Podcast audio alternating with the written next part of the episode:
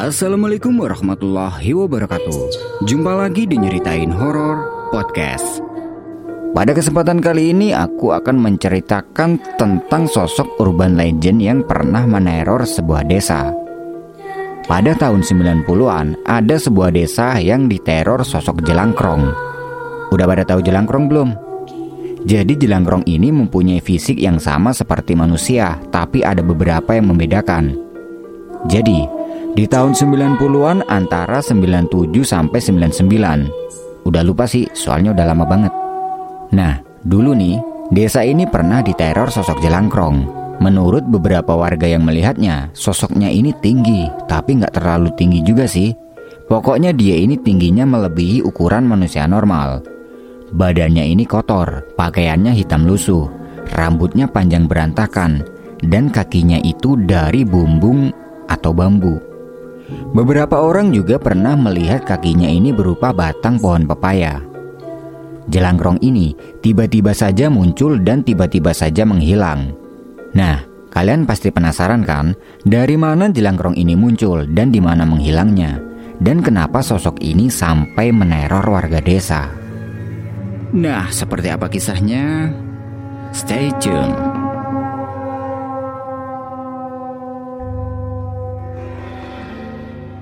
Kisah ini dialami oleh Pak Abu. Dialah orang yang memecahkan misteri tentang sosok jelangkrong yang meneror kampungnya itu. Awalnya, desanya Pak Abu ini aman dan tentram. Sebagian besar orang di kampung itu adalah seorang petani. Pada suatu hari, di kampung itu ada orang meninggal. Nah, kebiasaan orang di kampungnya Pak Abu ini, kalau ada orang meninggal itu nggak pakai tahlilan. Ini kita nggak ngebahas soal tahlilannya ya, dan nggak bisa disalahin juga karena mungkin itu udah jadi adat di kampung itu. Siang itu, Pak Abu ikut mengiringi jenazah ke pemakaman dan letak pemakamannya ini ada di tengah sawah. Jadi cukup jauh dari kampungnya. Bisa dibilang pemakamannya itu cukup rimbun dan serem, soalnya nggak pernah dijamah sama warga. Dijamahnya itu kalau pas ada orang meninggal itu aja. Berangkatlah mereka ke pemakaman. Setelah selesai dimakamkan, semua warga balik pulang. Nah, beberapa hari setelah kejadian orang meninggal itu, di kampung ini tiba-tiba ramai karena kemunculan sosok jelangkrong. Awalnya tuh dari sini. Pak Abu ini punya anak laki-laki yang masih duduk di bangku SD kelas 2. Sebut saja namanya itu adalah Kusdi. Kalau anak zaman dulu di tahun 90-an kan mainnya itu bukan gadget kayak sekarang kan ya. Setiap pulang sekolah, Kusdi ini selalu main sama teman-temannya. Main kelereng, main teplek kartu, dan segala macam. Mainan anak tahun 90-an. Tepatnya pas dia ini lagi main kelereng di rumah temannya, tiba-tiba Kusdi dan teman-temannya itu didatangi orang yang sebelumnya belum pernah dia kenal. Orangnya ini kurus tinggi, pakaiannya lusuh, dan rambutnya panjang berantakan.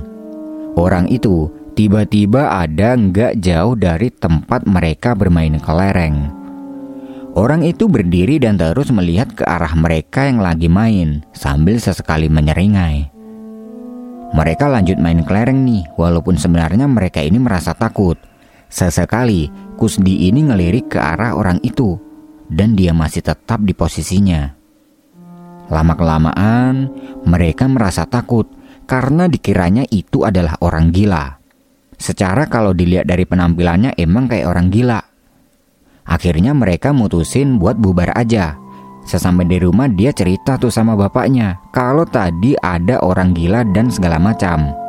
Mendengar itu Pak Abu biasa aja karena dia mikirnya ya emang itu orang gila gitu aja. Soalnya jarang-jarang di kampung itu emang ada orang gila yang berkeliaran. Beberapa hari berikutnya ketika Pak Abu ini lagi duduk di ruang depan sambil minum kopi. Istrinya yang baru pulang dari pasar, tiba-tiba dia bilang, Pak, katanya orang-orang banyak yang lihat ada jelangkrong lo di kampung kita. Jelangkrong itu apa, Bu? Gak tahu, katanya sih kayak orang gila gitu. Nah, mendengar orang gila, Pak Abu langsung ingat dengan ceritanya Kusdi beberapa hari yang lalu. Walah, orang gila biasa tuh, Bu. Kusdi pernah ketemu. Tapi kata warga itu jelangkrong, Pak, bukan orang gila. Pak Abu sedikit mikir nih. Emang gimana sih sosok jelangkrong itu?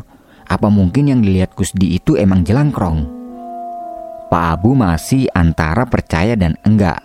Soalnya dia ini belum pernah melihatnya secara langsung. Siang harinya, tiba-tiba Kusdi dan beberapa teman lainnya lari-larian masuk ke dalam rumah. Mereka baru pulang dari sekolah. Melihat anak-anak ini yang kelihatan takut, Pak Abu nanya, Eh, eh, ada apa ini lari-larian? Itu pak, ada orang gila ngikutin kita. Jawab Kusdi. Spontan Pak Abu langsung mikir. Hmm, apa ini yang dimaksud banyak orang? Dia minta sama anak-anak masuk ke dalam rumah, kemudian pintu rumah ditutup. Nah, karena penasaran sama orangnya, Pak Abu ini ngintip dari sela-sela gorden. Dan ternyata benar, orang itu sedang berdiri di depan rumahnya dan melihat terus ke arah rumah. Diperhatikan dengan jelas, orang itu tampak tinggi, rambutnya panjang dan berantakan, pakaiannya panjang berwarna hitam dan lusuh. Kakinya itu adalah potongan bambu. Sesekali orang itu menyeringai, dan giginya ini hitam semua, macam orang yang pakai susur. Pokoknya serem banget. Gordon langsung ditutup sama Pak Abu, dan dia ngasih tahu ke anak-anak. Kapan-kapan kalau kalian ketemu sama orang gila tadi jangan dideketin ya. Dan kalau dipanggil jangan ada yang mau, langsung lari aja. Semakin hari terdengar dari mulut ke mulut.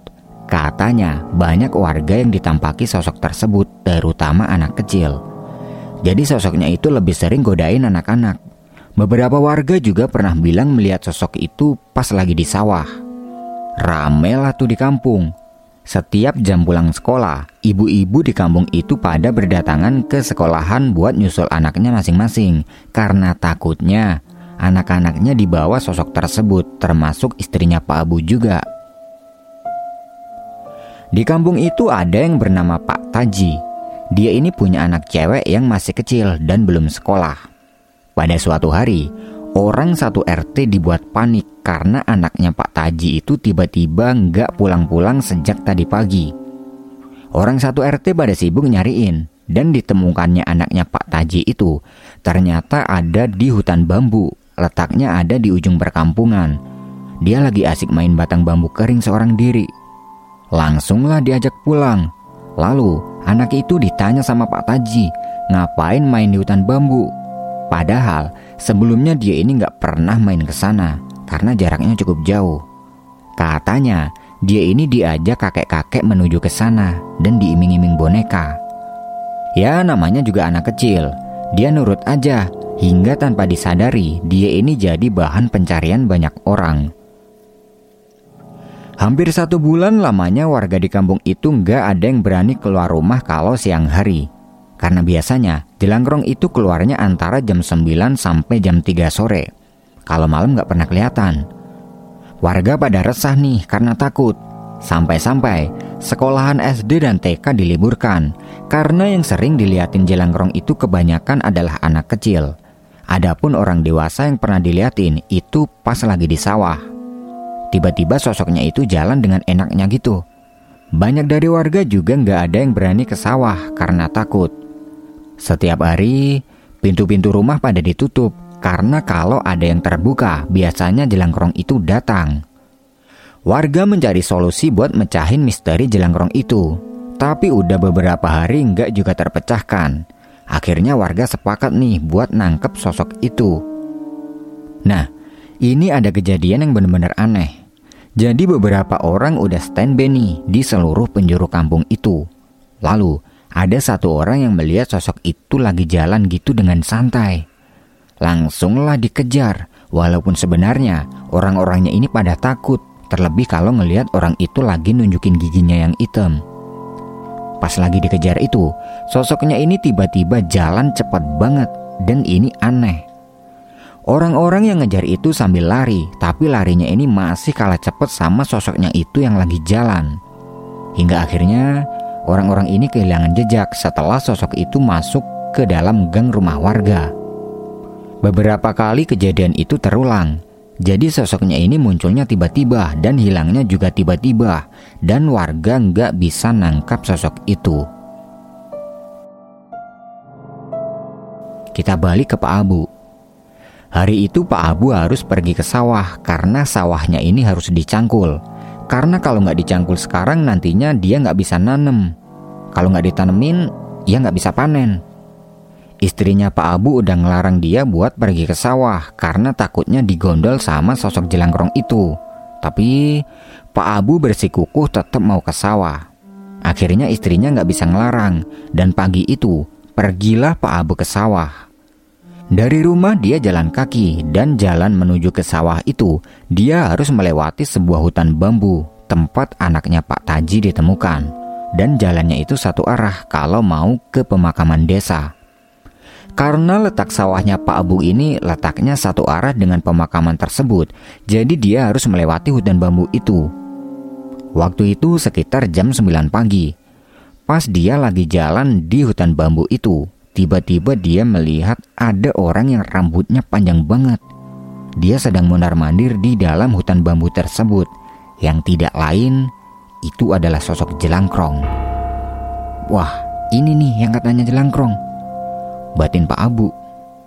Karena Pak Abu ini bukan orang penakut, dia pengen berkomunikasi dengan sosok itu. Sekalian dia ini pengen tahu apa tujuan dia hadir di kampung ini. Sambil memikul cangkul pelan-pelan dia jalan menuju ke sosok itu. Tapi menyadari kehadiran Pak Abu sosok itu tiba-tiba jalan masuk ke rimbunnya bambu. Bambu kan tumbuhnya kayak mengerombol gitu.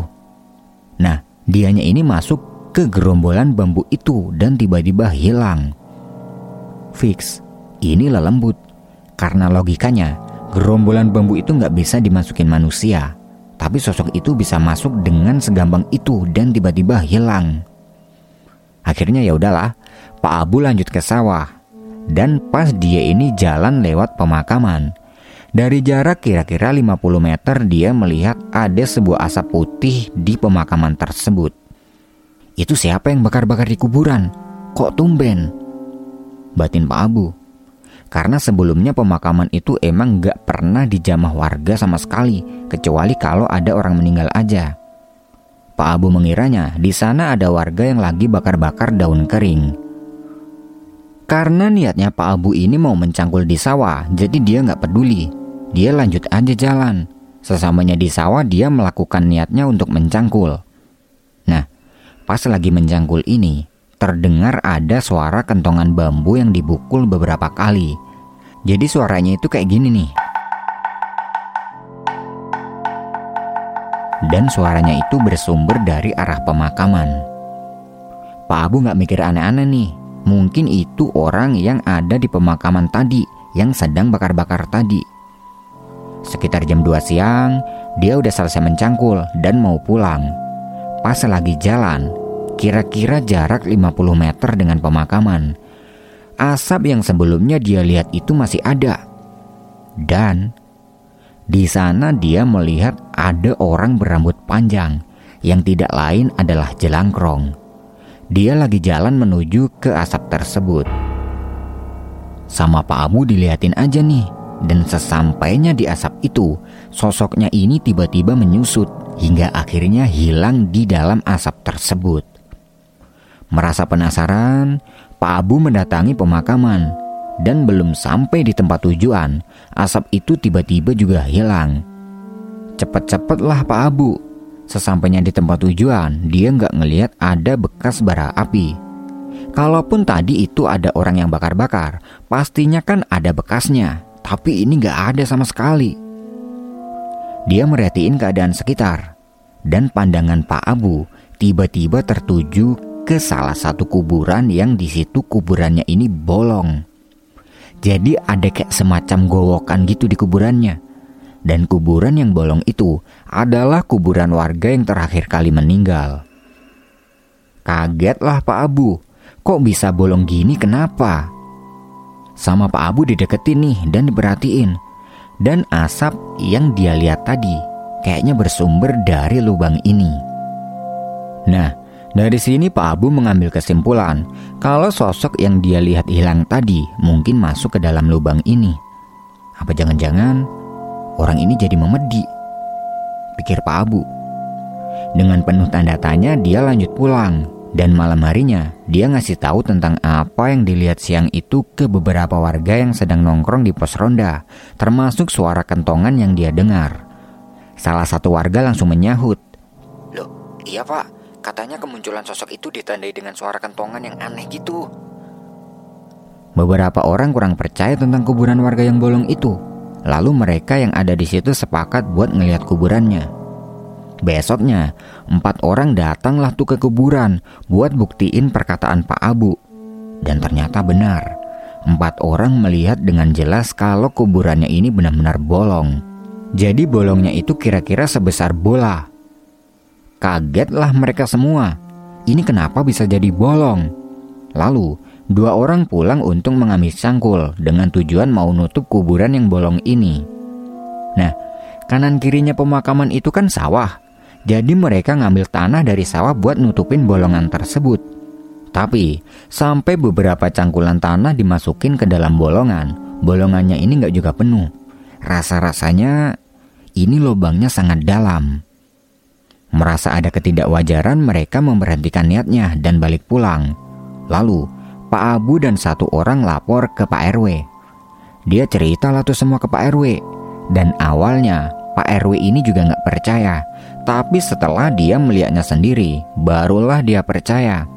Pak RT minta tolong buat nutup bolongan ini lagi, tapi hasilnya sama. Beberapa cangkul tanah udah dimasukin dan tetap aja nggak bisa penuh. Akhirnya, Pak RW minta tolong ke beberapa warga buat beli tanah pedel ke toko bangunan. Soalnya kan nggak enak kalau ngambil tanah dari sawah warga. Satu karung tanah belum penuh, dua karung juga belum penuh, Sampai habis 10 karung tanah pedal, barulah bolongan di kuburan itu bisa penuh. Orang-orang yang ada di situ dibuat gak habis pikir. Bagaimana bisa lubang yang tidak terlalu lebar ini bisa menghabiskan banyak tanah buat nutupnya? Setelah udah ditutup, mereka semua pada bubar. Dan semenjak kuburan bolong itu ditutup, sosok jelangkorong udah gak pernah muncul lagi di kampung itu. Misteri tentang sosok jelangkrong sudah terpecahkan. Warga beranggapan kalau kemunculan sosok jelangkrong itu berasal dari kuburan yang bolong itu. Andai saja waktu itu Pak Abu nggak datang ke pemakaman, pastinya warga pada nggak tahu kalau di sana ada kuburan yang bolong. Taunya mungkin kalau ada orang yang meninggal lagi. Dari kejadian itu, akses menuju ke pemakaman sekarang dipaving biar gampang bagi warga untuk memakamkan orang meninggal dan biar jadi jalan orang kalau mau ke sawah juga. Dengan begitu, pemakaman jadi nggak kelihatan sepi. Nah, itu tadi adalah sebuah kisah horor yang bisa aku sajikan ke kalian semua. Buat yang masih stay, aku ucapin terima kasih dan tunggu kisah horor selanjutnya.